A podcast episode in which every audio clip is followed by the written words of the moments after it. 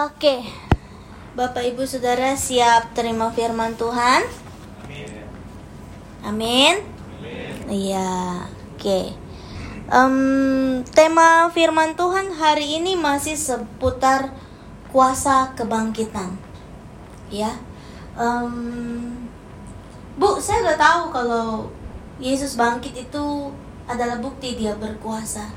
Tapi ada salah satu yang kita akan bahas pagi hari ini lebih spesifik lagi bahwa kuasa kebangkitannya memulihkan kita. Amin. Kuasa kebangkitan Yesus Kristus memulihkan kita. Nah, Bapak Ibu Saudara, hari ini belajar aktif buka Alkitab sendiri di handphone masing-masing, di Alkitab fisik masing-masing karena tidak akan ada di layar ya. Biasanya kan tinggal lihat di layar, nggak buka nggak apa-apa. Enak aja.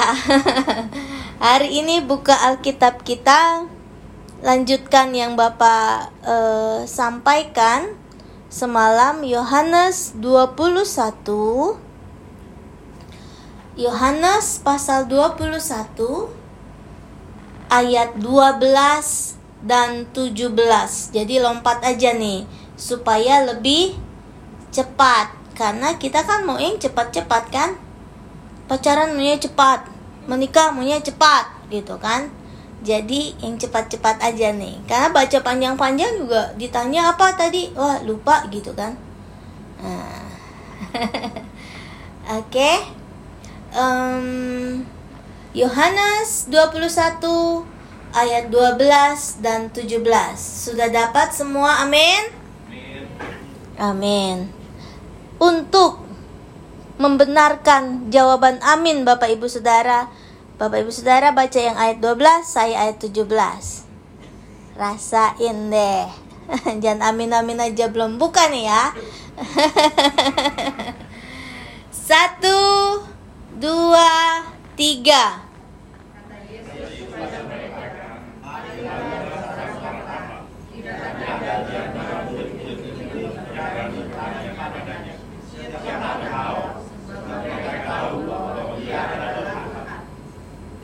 Saya baca ayat 17 ya. Kata Yesus kepadanya untuk ketiga kalinya, Simon anak Yohanes, apakah engkau mengasihi aku? Maka sedihlah hati Petrus karena Yesus berkata untuk ketiga kalinya, apakah engkau mengasihi aku? Dan ia berkata kepadanya, Tuhan, engkau tahu segala sesuatu, engkau tahu bahwa aku mengasihi engkau. Kata Yesus kepadanya, "Gembalakanlah domba-dombaku." Amin. Ya, dah. Boleh lihat ke arah saya karena kadang kadang-kadang ada yang bilang saya mirip Agnes Monica. Tapi saya nggak enak sebetulnya karena harusnya Agnes Monica yang mirip saya. Kenapa? Karena saya lahir duluan, nggak mungkin saya mirip dia, pasti dia harus mirip saya dong. Oke, setuju ya? Jangan begitu mukanya. Setujunya nggak nggak setuju nih, setuju. Oke, ya. Uh, firman Tuhan hari ini bicara tentang kuasa kebangkitannya memulihkan. Ya, semua orang mau pulih Pulih dari apa?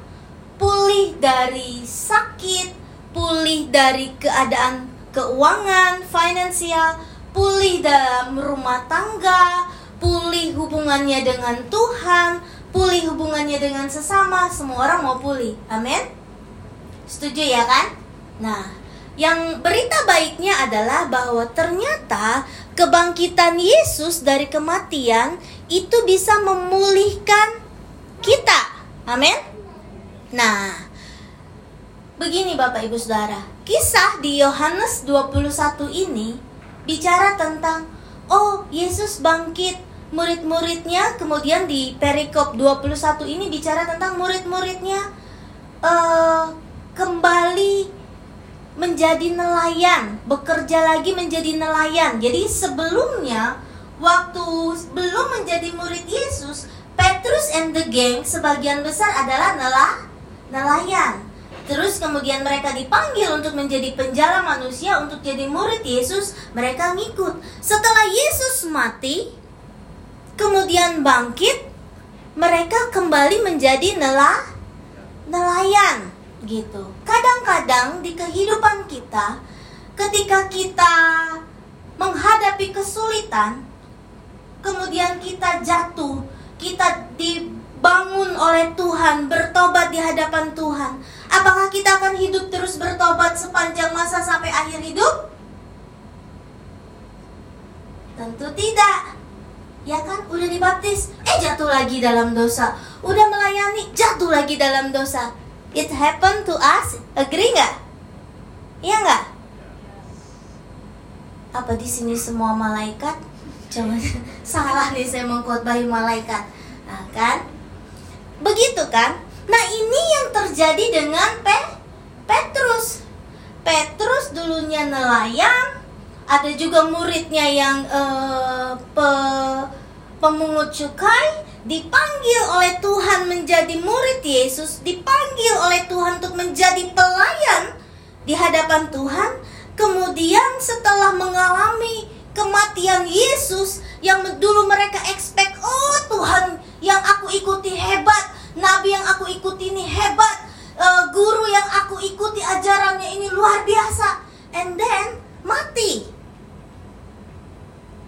Matinya tuh bukan kayak orang mati gitu ke ke apa tiba-tiba sakit mati atau uh, accident terus mati nggak kayak gitu. Tapi mati dalam kondisi dipermalukan. Perhatikan baik-baik. Yesus mati dalam kondisi dipermalukan. Kenapa saya bilang begitu? Waktu Jumat Agung, saya sampaikan firman Tuhan. Yesus waktu mau disalib, bajunya dibuka, dipakaikan jubah, dipasangin mahkota, kemudian dibuka lagi. Jadi kayak orang yang ditelanjangi, dipakein baju, ditelanjangi, dipakein baju. That is mean penghinaan terbesar, ditelanjangi jadi uh, selama ini orang-orang yang merasakan mujizat Tuhan, yang merasakan kesembuhan dari Tuhan, yang merasa ditolong Tuhan, yang merasa hidupnya mau bertobat karena Yesus Kristus, kemudian at the time dia lihat Yesus ditelanjangi. Yesus dipermalukan. Wow, semua orang saat itu situasinya adalah beneran Tuhan nggak sih ini Yesus Kristus? Beneran nabi nggak sih ini Yesus Kristus? Beneran guru yang harus dipercaya ajarannya atau enggak sih? Apakah ini betul Mesias yang dikirim oleh Bapa di sorga atau bukan sih? Semua ada pada situasi seperti itu. Kita pernah mengalami itu di kehidupan kita? Pernah nggak? Tuhan ada nggak sih? Kok orang lain ditolong saya enggak? Tuhan mengasihi saya enggak sih? Kok uh, saya ada dalam masalah yang sangat terpojok. Tuhan hidup gak sih? Kok saya tidak mengalami pembelaan dari Tuhan? Tuhan hidup gak sih? Kok saya sampai hari ini gak sembuh-sembuh gitu? Itu momen pada saat Yesus mati dan dipermalukan di hadapan orang banyak. Ya, jadi situasinya saat di Yohanes 21 ini seperti itu. Semua orang sedang gamang. Yesusku gimana nih? Oke dia udah bangkit tapi terus apa? Gitu kan? Masih menanti kelanjutannya untuk Yesus naik ke sur ke surga. Tapi walaupun mereka lihat Yesus pernah bilang nggak kalau dia akan bangkit? Pernah Yesus pernah bilang nggak sama murid-muridnya bahwa aku akan bangkit pernah bilang nggak pernah tercatat nggak di kitab-kitab sebelumnya di kitab-kitab Taurat, Mazmur, Yesaya tercatat nggak? Tercatat. Pernah dengar nggak murid-muridnya tentang ayat-ayat itu? Pernah. Tetapi ketika mereka bangkit, oh ya Yesus bangkit. Oke deh. Sudah ternyata ada kuasa dari kebangkitannya. Jadi di tengah situasi yang tidak pasti itu oke Tuhan bangkit. So terus apa? Gitu. Kebangkitannya ternyata mampu memulihkan. Nah, kita lihat di ayat yang ke-12 di situ Yesus bilang kepada murid-muridnya makanlah sarapanlah. Makanlah sarapanlah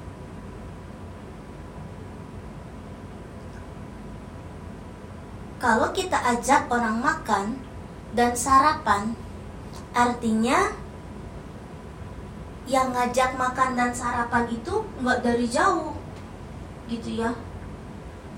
Eh, makan, makan, sarapan, nggak nggak gitu, bapak ibu saudara. Tapi kita kan orang Asia ya, ada orang Amerika di sini. kita orang Asia kan. Mama bapak kita kasih tahu kalau mau makan bilang bu makan. Pak makan. Gitu nggak sih? Di Malaysia gitu nggak sih? Gitu kan? Nah, makan pak. Makan bu. Terus nggak boleh dimarah kalau kita dari jauh bilang makan. Gitu. Pak mak makan. Nggak gitu harus samperin. Wah bisa dimarahin kalau uh, sama nenek-neneknya kita kan. Makan pak makan. Yesus juga gitu. Dia hampiri murid-muridnya dan bilang, "Ayo makan sarapan." Gini Bapak Ibu Saudara. Kita tahu sejarahnya Petrus, oke? Okay? Petrus orang yang berani. Kalau ada apa-apa, maju duluan. Bapak Gembala semalam sudah bilang. Tetapi Petrus juga yang menyangkal Yesus dua kali. Eh salah. Tiga kali.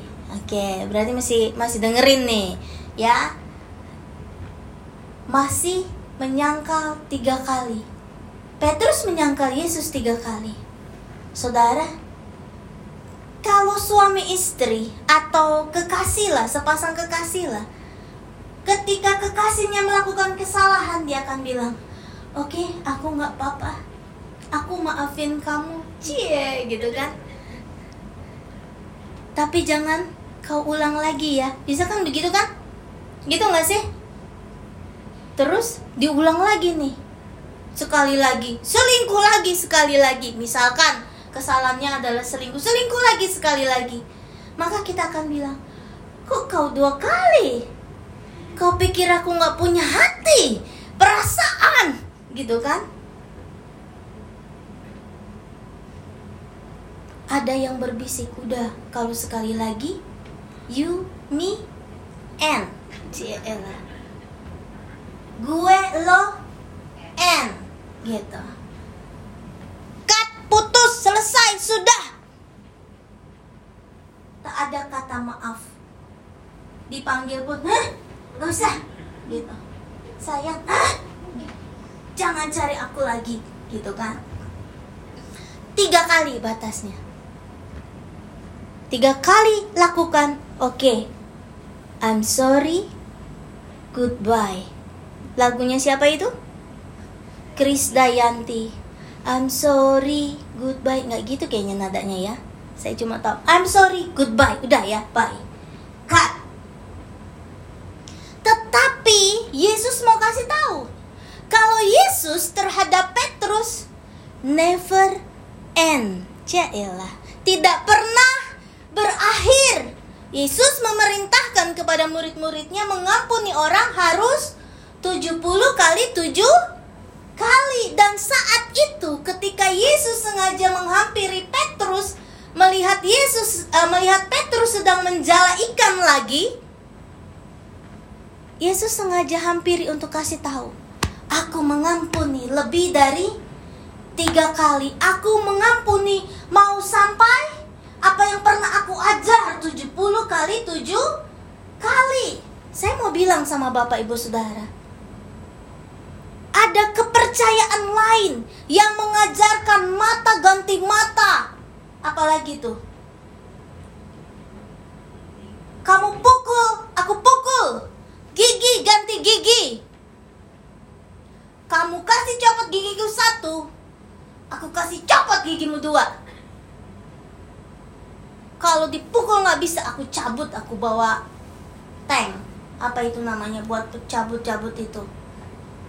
Buka mulutmu gitu. Jadi dokter gigi semua. Ada kepercayaan lain mengajarkan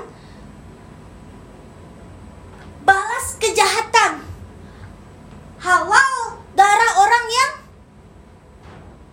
berseberangan. Tetapi Yesus hari itu mengajarkan apa yang dia lakukan. Itu makanya kita harus bangga jadi anak anak Tuhan. Yesus adalah orang yang mengajarkan apa yang dia lakukan. Bapak Ibu Saudara, banyak hamba-hamba Tuhan, pelayan-pelayan Tuhan mengkhotbahkan apa yang tidak dilakukan, mengajarkan apa yang tidak dilakukan. Banyak tokoh-tokoh uh, agama di agama kita maupun di agama yang lain mengajarkan apa yang mereka tidak lakukan.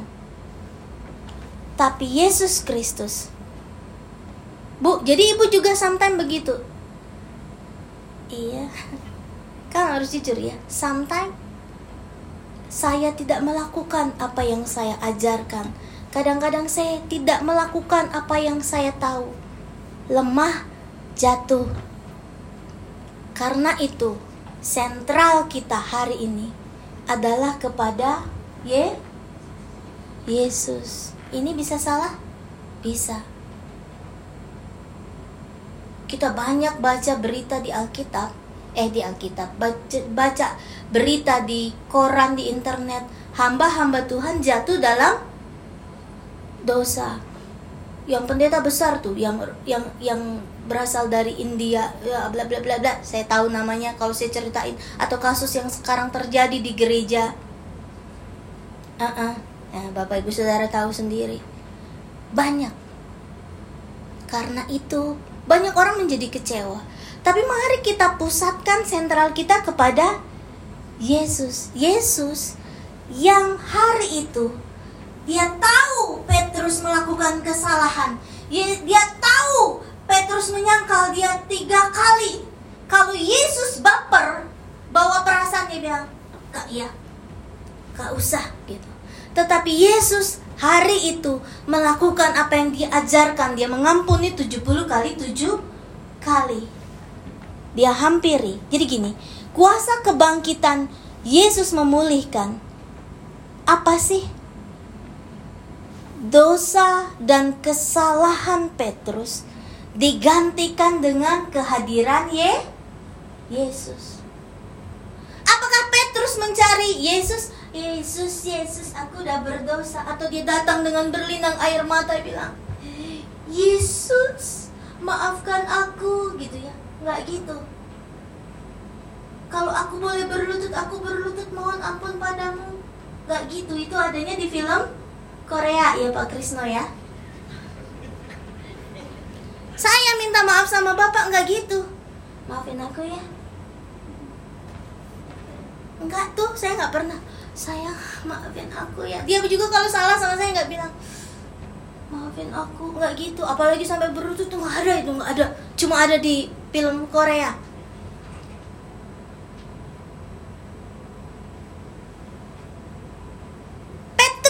cari Yesus. Tetapi Yesus yang menghampiri Petrus datangi Petrus dan bilang, "Ayo makan, sarapan." Yesus yang sudah bangkit dari kematian, kuasa kebangkitannya menghapuskan setiap dosa dan kesalahan Petrus dengan kehadirannya dia tahu Petrus malu, dia tahu Petrus takut, dia tahu Petrus depresi, dia tahu Petrus tidak punya kekuatan untuk menghampiri Yesus. Makanya Yesus yang datang kepada Petrus, even Petrus kembali menjadi nelayan. Bukankah kita punya Tuhan yang sangat hebat dan penuh kasih? Amin. Nah, kalau kita yang sekarang masih jatuh bangun, jatuh bangun, jatuh bangun, malu nggak? Oh Tuhan ini baru 70 kali 7 70 kali 7 berapa sih? Ada yang tahu? Buka kalkulator. 4, 9, 10 Terus kita hitungin Pak Krisno sejak menikah sama saya sudah Berapa tahun Pak? Berapa tahun kita menikah? Selesai nih hidupmu nih Gak inget dia berapa tahun udah menikah sama saya Selesai hidupmu pulang nanti ya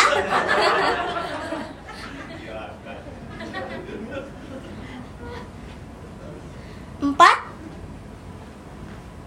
17 tahun kita menikah ya Oke okay? Jadi 70 kali 7 490 kali itu berarti kita harus mengampuni gitu enggak that's mean one person uh, kita harus mengampuni person itu 490 kali Pak kesalahanmu sampai hari ini sudah 397 Skormu tinggal 100 lagi. Kalau udah 100, you and me and. Ada yang pernah catat begitu? Enggak kan? Saya juga nggak catat. Artinya apa sih 70 kali 7 itu? Tidak terba tidak terbatas. Per orang salah sama kita berkali-kali tidak terbatas karena baru satu kali melakukan kesalahan kan dia udah nggak enak, udah diam aja, udah menyingkir aja gitu. Kan gitu, ya gak sih? Yesus mengerti hal itu. Makanya Yesus hampiri Pe Petrus ketika dia kembali lagi menjadi nelah nelayan. Kita yang sudah berhenti melakukan dosa, puji Tuhan, haleluya. Tapi itu bukan kehebatanmu, tapi itu karena kasih karunia Tuhan. Bahkan ada di antara kita yang memang dosanya tidak Tuhan bong bongkar. Setuju nggak? Ada yang sampai hari ini dosaku tidak ada yang tahu. Dan aku masih bisa hampiri hadirat Tuhan. Orang lain lihat aku orang baik. Bisa? Karena Tuhan sembunyikan Kenapa itu terjadi? Kenapa sih ada dosanya Debbie Yang tidak dibongkar sama Tuhan Kenapa?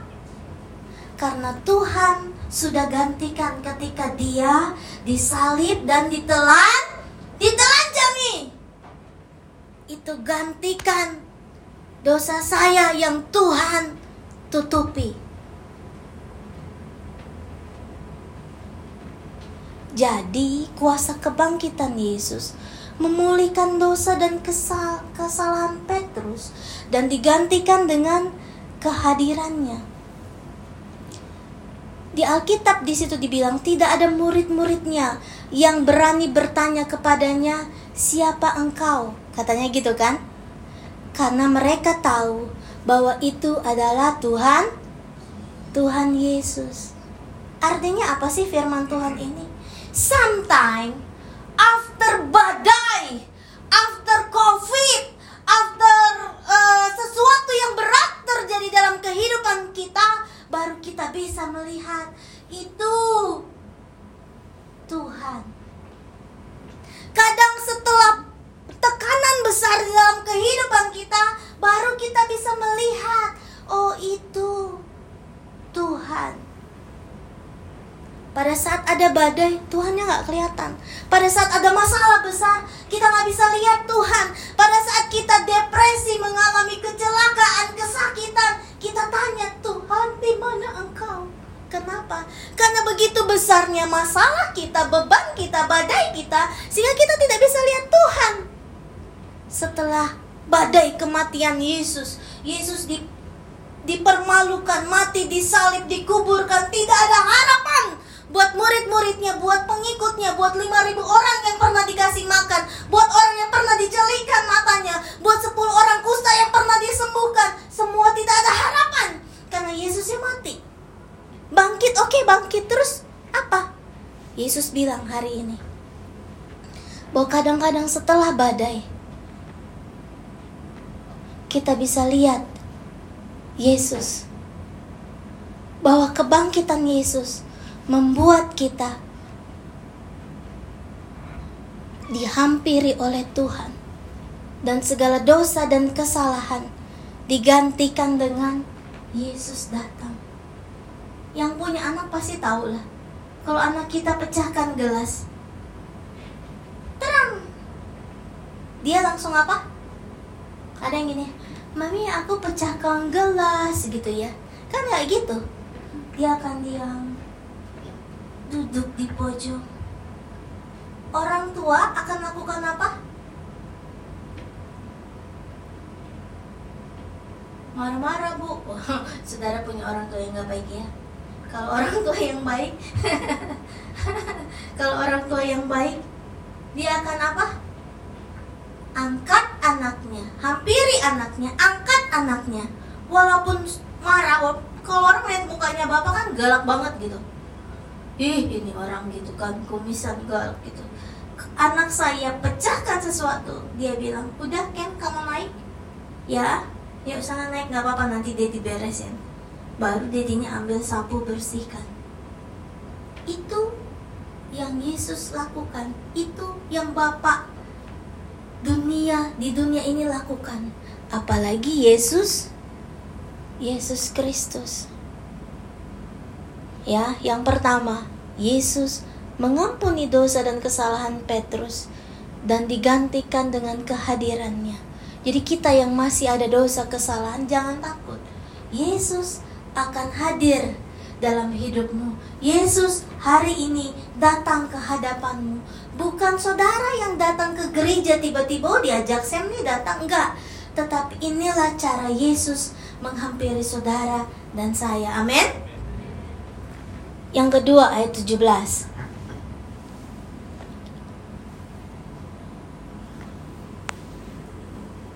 Kata Yesus kepadanya untuk ketiga kalinya. Kita tahu cerita ini. Yesus bertanya ke Petrus sampai tiga, tiga kali. Kita bahas yang ketiga aja ya, supaya ce, cepat. Kata Yesus untuk ketiga kalinya, Simon, anak Yohanes, apakah engkau mengasihi aku? Ditanya tiga kali. Kalau laki-laki ditanya tiga kali sama perempuan, udah males jawabnya. Pak, kamu sayang aku nggak? Eh, Pak, kamu sayang aku nggak? Iya, Pak kamu sayang aku nggak hmm. aku kerja aku pulang pagi pergi pagi pulang pagi itu namanya nggak pulang kalau pergi pagi pulang pagi ya buat kamu artinya aku sayang sama kamu uh, gitu kan Yesus tanya sampai tiga kali lalu di situ dibilang maka sedihlah hati Petrus karena Yesus berkata untuk ketiga kalinya. Saudara, kalau kita pernah melakukan yang jahat, kalau kita habis selingkuh, kalau kita habis berkhianat, kalau kita habis menyakiti hati orang tua kita, kalau kita habis melakukan kesalahan yang besar, kita dalam ada dalam posisi ketakutan. Terus anak terus ada orang yang terus pasangan kita bilang, "Kamu sayang gak sih sama aku?" kita akan jawab apa? Iya sayang gitu kan. Kita habis selingkuh nih kamu sayang gak sih sebetulnya sama aku? Iya sayang. Kita habis uh, tabrakin mobil papa kita terus papa bilang papanya datang bapaknya datang. Kamu sebenarnya sayang gak sih sama aku Debbie berarti saya pernah tabrakin mobilnya sayang Ini artinya apa? Yesus menerima masa lalu saudara. Yesus menerima kesalahan yang pernah engkau lakukan. Yesus memaklumi apa yang terjadi di masa lalumu. Penyangkalan diganti dengan peneri penerimaan. Kalau ada anak yang jatuh dalam narkoba, terus orang tuanya bilang, "Engkau narkoba ya?" Mulai hari ini, pergi keluar, kamu bukan anakku lagi. Ada orang tua begitu? Ada, ada anak pindah agama mulai hari ini, engkau bukan anakku lagi. Ada yang kayak gitu? Ada. Tapi ada nggak orang tua yang bilang, engkau narkoba ya nak kamu sayang gak sih sama aku? Sayang mami tapi aku udah terjerat. Oke kamu tuh mama gitu ya. Ada anak yang pindah agama terus orang tuanya bilang kamu sayang gak sih sama aku sampai kamu pindah agama? Sayang mama. Ya udah sini sama aku. Ada nggak orang tua yang kayak gitu? Ah ada. Itulah orang tua yang di dalam Tuhan walaupun mereka bukan anak Tuhan sementara kita yang di dalam Tuhan. Ketika orang lain melakukan kesalahan ketika orang lain berdosa kita langsung bilang engkau bukan temanku lagi. Ih temanku tuh teman yang kudus suci mulia tiada bercacat celah gitu ya. Nggak gitu konsepnya nggak gitu. Kekristenan konsepnya nggak begitu. Makanya Yesus mengajarkan melalui kuasa kebangkitannya bahwa penyangkalan Petrus dulu digantikan dengan penerimaan Yesus. Oke, engkau nyangkal tiga kali, aku udah tahu kamu akan menyangkal dan kamu melakukannya. Dan saat ini aku menerima semua kesalahanmu. Aku terima semua masa lalumu. Accept it. Kan kalau yang konseling pernikahan sama saya pasti ditanya, udah ngapain aja, udah melakukan dosa apa aja, udah saling mengaku, udah saling menerima, udah oke, okay? sampai sini case close ya, iya, kan gitu. Yesus lakukan hal yang sama. Yesus bukan orang yang membongkar masa lalu Petrus dengan frontal.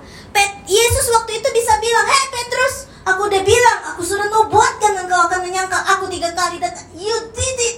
Ya kan? Kayak filmnya layangan putus. Apa nih Kapadokia gitu ya? Siapa? Kak, siapa sih namanya? Kan ya Nani Yaya ini siapa mas? It's my dream, not yours, gitu kan?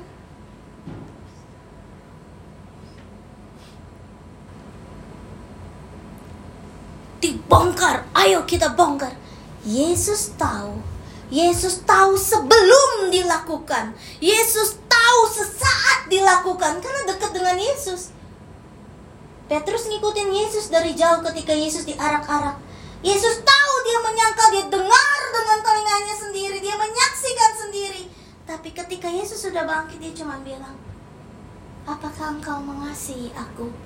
Yesus menerima masa lalunya menggantikan setiap kesalahan di masa lalunya dengan penerimaan yang tanpa tanpa batas. Diberi kesempatan untuk mengerti maksud Tuhan. Makanya ditanya sampai tiga kali. Kenapa? Supaya Petrus ngerti apa artinya.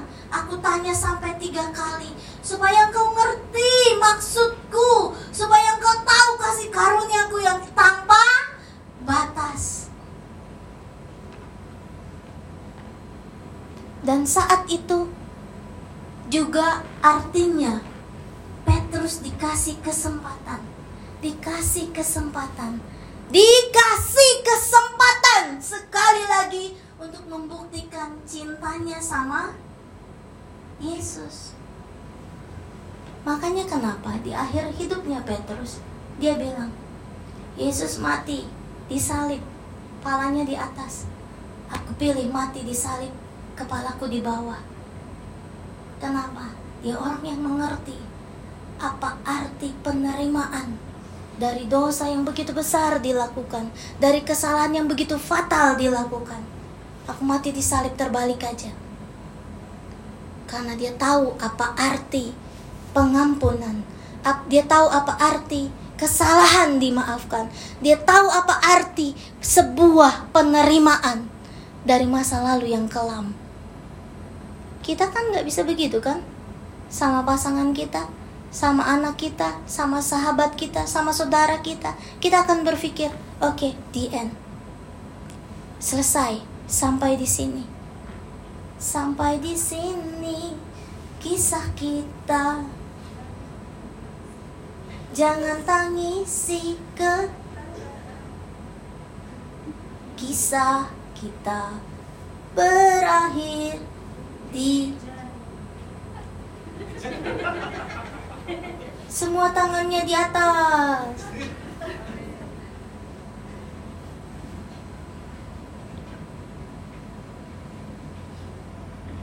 Hari ini kita yang melakukan dosa dan kesalahan yang fatal, masa lalu yang berat. Kita harus tahu bahwa kita sudah diampuni, kesalahan kita sudah dilupakan, kita sudah diterima. Tuhan kasih kesempatan buat kita tahu kenapa sih saya masih ada sekarang karena Tuhan mengasihi kita. Kita dikasih kesempatan untuk oke, okay, saat inilah waktu yang tepat buat saya membalas segala kasih dan kebaikan Tuhan. Yang ketiga, yang terakhir, masih di ayat yang sama, dan ia berkata kepadanya, "Saya mau pakai pulpen juga ya, tapi saya tahu bakalan macet karena belum diperbaiki." Semalam bapak coret-coret di sini. Dia coba, bapak ibu saudara ya, Wah dia pagi-pagi datang dia tulis I love you. Dia videoin sengaja dari sini kan kirim ke saya. Ya, dia lumayan lah romantis dikit gitu ya bapak ibu saudara. Semalam dia coba oh macet-macet saudara kan gitu. Terus tadi pagi dia bilang kamu mau coba pakai pulpen? Saya bilang no thank you oke okay. di situ dibilang dan ia berkata kepadanya Tuhan, Engkau tahu segala sesuatu. Engkau tahu bahwa aku mengasihi Engkau. Apa sih kata arti Tuhan Engkau segala sesuatu? Tuhan Engkau tahu segala sesuatu. Artinya begini, Tuhan, Engkau dulu ditelanjangi. Sekarang aku telanjang di hadapan Engkau. Dosa apa yang Engkau enggak tahu, Tuhan? Dosa yang aku sembunyikan di tengah malam hari di sudut kamar yang tidak ada seorang pun tahu engkau tahu Tuhan. Aku telanjang di hadapan engkau.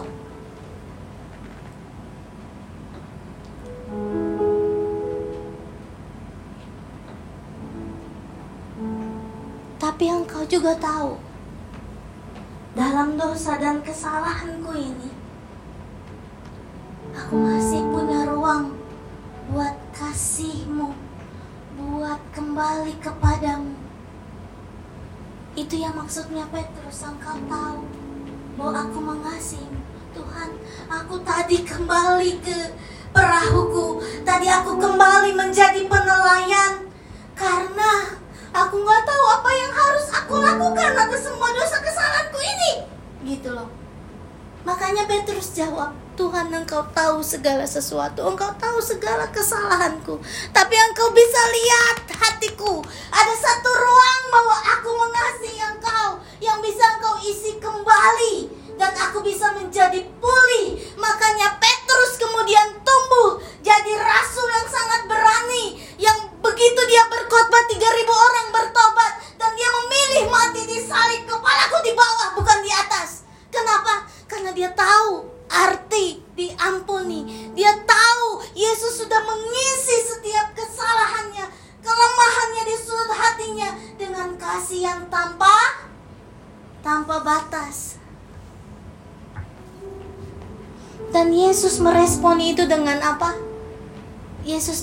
kepadanya, "Gembalakanlah domba-dombaku."